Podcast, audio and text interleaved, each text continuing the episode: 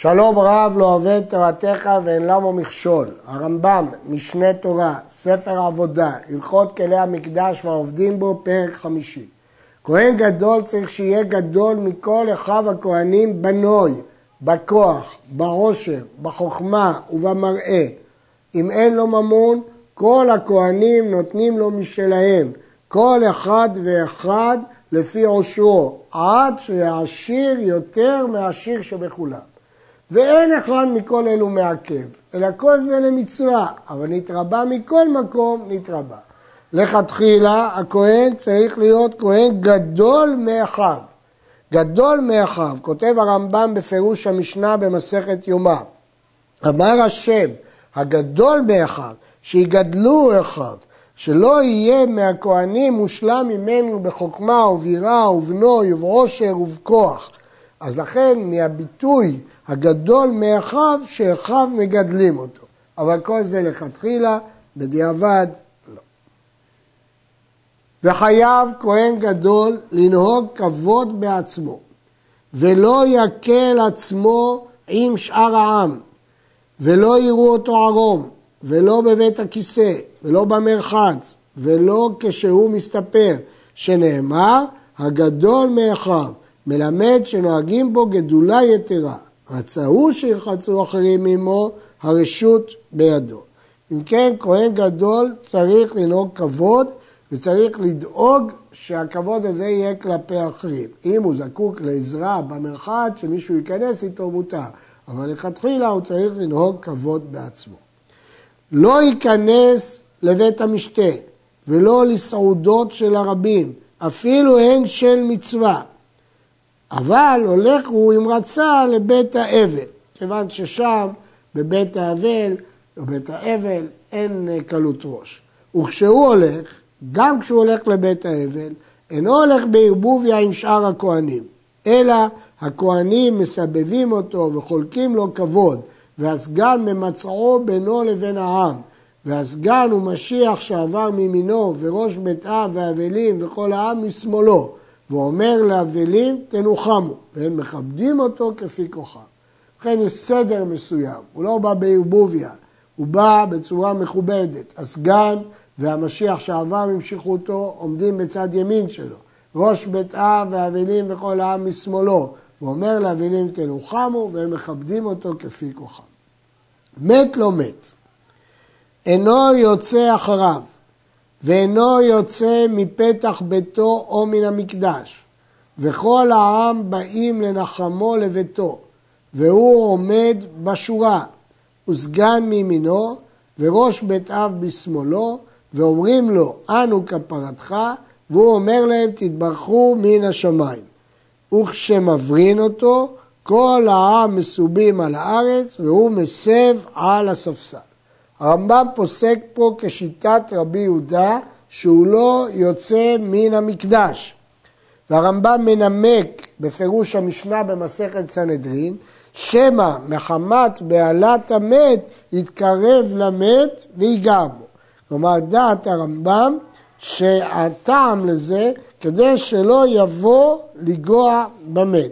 חששה התורה שאגב צערו מרירותו ייגע. זה על פי הגמרא במסכת סנהדרין, דף י"ט. לפי אה, דעות אחרות, החיוב והאיסור מהתורה הוא רק אם הוא יוצא בשעת עבודה, אבל שלא בשעת עבודה זה רק דרבנן. אבל מהרמב"ם משמע שזה איסור תורה לצאת אפילו שלא בשעת עבודה. ואינו קורע על מתו כשאר הכהנים, שנאמר, ובגדיו לא יפרום, ואם קרע, לוקה. אבל קורע הוא מלמטה כנגד רגליו. ערוך השולחן כותב שזה לא חיוב מדין קריאה, אלא להפיג צערו מותר לו אה, רגליו. אפשר גם לומר שזה חיוב הקריאה, רק לא עושים את זה בלב. אבל ערוך השולחן אומר, כתוב בתורה בפירוש, ובגדיו לא יפרוג, לכן זה לא ממש קריאה. ואינו מרבה פרע לעולם, שנאמר, את ראשו לא יפרע, ואפילו בעת שלא ייכנס למקדש, אלא מספר מערב שבת לערב שבת. כהנים רגילים, נאסר עליהם לגדל פרע בבואם אל המקדש בלבד, אבל כהן גדול אסור לו להסתפר, אלא אה, חייב להסתפר פעם בשבוע. ואינו מספר בתר, אלא בזוג, ראש שערה זו בעיקר זו, עד שיראה כאילו, עד שיראה כאילו הוא צמח כאחד, שנאמר, וראשם לא יגלחו ופרע לא ישלחו, כסום יחסמו את ראשיהם, פסוק ויחזקאל. הגמרא מסבירה שהתספורת של כהן גדול הייתה תספורת מיוחדת במינה, ראש שערה זו בצד זו, כאילו גדלו כל השערות אה, כאחד, זה דין מיוחד. כתוב בגמרא ששילמו ממון רב כדי ללמוד את אה, תספורתו של כהן גדול. ובית יהיה לו מוכן במקדש, והיא הנקראת לשכת כהן גדול. היא גם נקראת לשכת פרדרין ונקראת לשכת העץ. וכבודו ותפארתו, שיהיה יושב במקדש כל היום. זה הכבוד של כהן גדול. ולא יצא אלא לביתו בלבד בלילה, או שעה אחת או שתיים ביום. הוא לא חייב ללון בבית המקדש, מותר לו ללכת לאכול בביתו שעה או שעתיים וללון בביתו, אבל כל היום להיות בלשכה שלו במקדש. ויהיה ביתו בירושלים ואינו זז משם. האם מותר לו לצאת לצורך? נראה מתוך דברי המנחת חינוך פה שמותר לצורך. הרב קניאבסקי מביא פה שהרי שמעון הצדיק יצא מירושלים. אבל בדרך כלל ביתו יהיה בירושלים, ואינו זז שם שלא לצורך גדול. וכהן גדול דן ודנים אותו, ומעידים עליו. אם הוא ראוי בחוכמה, הוא יכול לדון. ודנים אותו בדיני ממונות בשלושה ונפשות בשבעים ואחד, כפי שנלמד לקמן. ומעידים עליו. ואין דנים אותו דיני נפשות, אלא בבית דין הגדול בלבד, שנאמר כל הדבר הגדול יביאו אליך. אנחנו דורשים מה זה הדבר הגדול, דבריו של כהן גדול. את זה יביאו אליך. לא מדובר על ממונות, אלא על דיני נפשות. היה יודע עדות, אינו חייב לעדה ואפילו בבית דין הגדול, שזה אינו כבוד לו שילך ויעיד. זה לא כבוד לכהן גדול ללכת להעיד. זה על דיני ממונות. לגבי דיני איסורים, יש דעות אם הוא חייב להעיד או לא. ואם הייתה עדות למלך ישראל, הרי זה הולך לבית דין הגדול ומעיד לו. למלך, הכוונה מלכי בית דוד, שדנים אותם, הוא יכול ללכת ולהעיד. מלכי ישראל לא דנים אותם. וכבר ביארנו בספר חמישי, הלכות איסורי ביאה, שהוא אסור באלמנה ומצווה על הבתולה. ואינו נושא שתי נשים, ואם נשא שתי נשים, אינו יכול לעבוד ביום הצום עד שיגרש אחת. מדוע? כתוב וכיפר בעדו ובעד ביתו, בית אחד ולא שתי, שני בתים, לכאורה. מהפסוק הזה לומדים רק על יום הכיפורים בשעת עבודה, וכן דעת התוספות, שזה רק בעבודה, וכן דעת הרבד, רק ביום הכיפורים. אבל הרמב"ם למד שכל השנה אסור לו לקחת שתי נשים. ומצווה על הבתולה במצוות עשה, בתולה מעמיו ייקח אישה. ואם נשא שתי נשים, אינו יכול לעבוד ביום הצום עד שיגרש אחת. וחולץ, וחולצים לאשתו, ומייבמים את אשתו.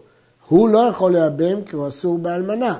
ואם גירש אישה, מותרת להינשא לשאר העם. לא כמו שכתוב אה, שרק הכהנים היו נושאים אותה, ביחזקאל זה חומרה יתרה, מעיקר הדין מותרת להינשא לשאר העם. בזמן שכהן גדול נכנס להיכל להשתחוות, שלושה אוחזים בו, זה דין המשנה מפני כבודו, אחד בימינו, אחד בשמאלו ואחד באבנים טובות של האפוד מאחוריו. האבנים היו על הכתפיים, אבל צריך להדק אותם מאחוריו. וייכנס להיכל וישתחווה. וכיוון שישמע הסגן כל רגליו של כהן גדול שהוא יוצא, מגביה לו את הפרוכת, ואחר שיצא, ייכנסו אחיו הכהנים וישתחוו ויצאו. בכל יום שירצה להקטיר הקטורת, מקטיר. למרות שהיה פיס על הקטורת. מי מקטיר אותה? וכולם רצו להקטיר כי היא מעשירה. בכל אופן, כהן גדול יש לו זכות להקטיר מתי שהוא רוצה. ונוטל חלק בראש בקודשי המקדש כולם. כיצד? כשירצה, אומר זאת החטאת שלי, וזה האשם שלי, ואינו עובד בפיס, אלא כל עת שירצה להקריב, מקריב כל מה שירצה. והרי הוא בקודשי הגבול כשאר אחיו הכהני. רק בקודשי המקדש יש לו עדיפות, אבל בקודשי הגבול, כמו שדה אחוזה, חרם, ביקורים, הוא לא שונה מכולם. אבל בקורבנות הוא יכול להחליט מה להקריב ולאכול. בזמן שרוצה כהן גדול להקריב, היה עולה בכבש והסגן מימינו. עלה למחצית הכבש, תפסו הסגן בימינו והעלהו. עוזר לו לעלות, זה דין המשנה. והושיט לו הכהן שהוא מוליך את ראש העולה והאיברים שבידו, וסומך עליהם הכהן גדול וזורקם לאש. וכך היו מושיטים לו שאר האיברים, כל אחד ואחד נותן איברים שבידו לראשון, והראשון נותן לכהן גדול והוא סומך וזורק לאש. ואם רצה לסמוך בלבד, ויהיה אחד זורק לאש, עושה.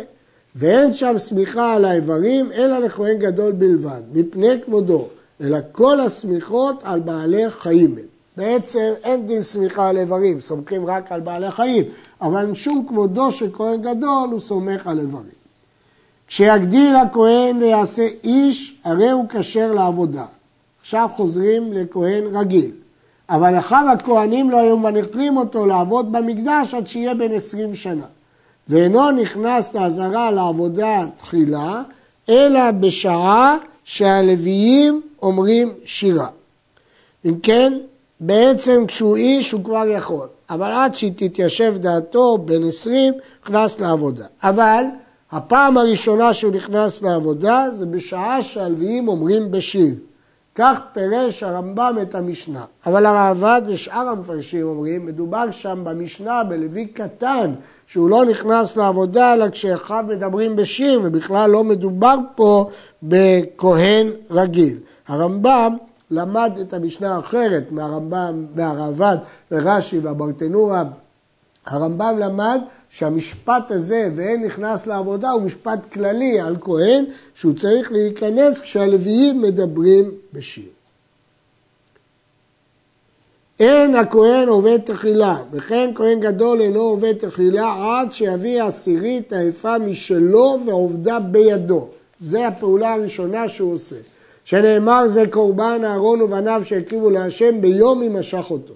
ואם עבד קודם שיביא עשירית העיפה, וכן כהן גדול שעבד בכהונה גדולה קודם שיביא עשירית העיפה, עבודתם כשרה.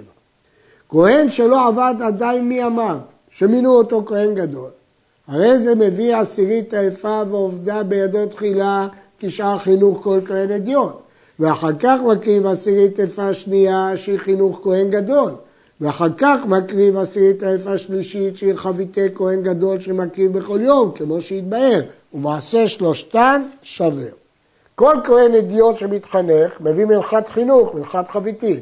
כהן גדול שמתמנה מביא מנחת חביתין. כל בוקר כהן גדול מקריב מנחת חביתין. אז כאן שמינו כהן שלא עבד אף פעם, בבת אחת הוא גם מתחנך לכהן אדיוט, גם לכהן גדול, וגם מקריב את מנחת החביתין. נמצא שהוא מקריב באותו בקר שלוש מנחות חביתין. ומעשה כולם שווה. עד כאן.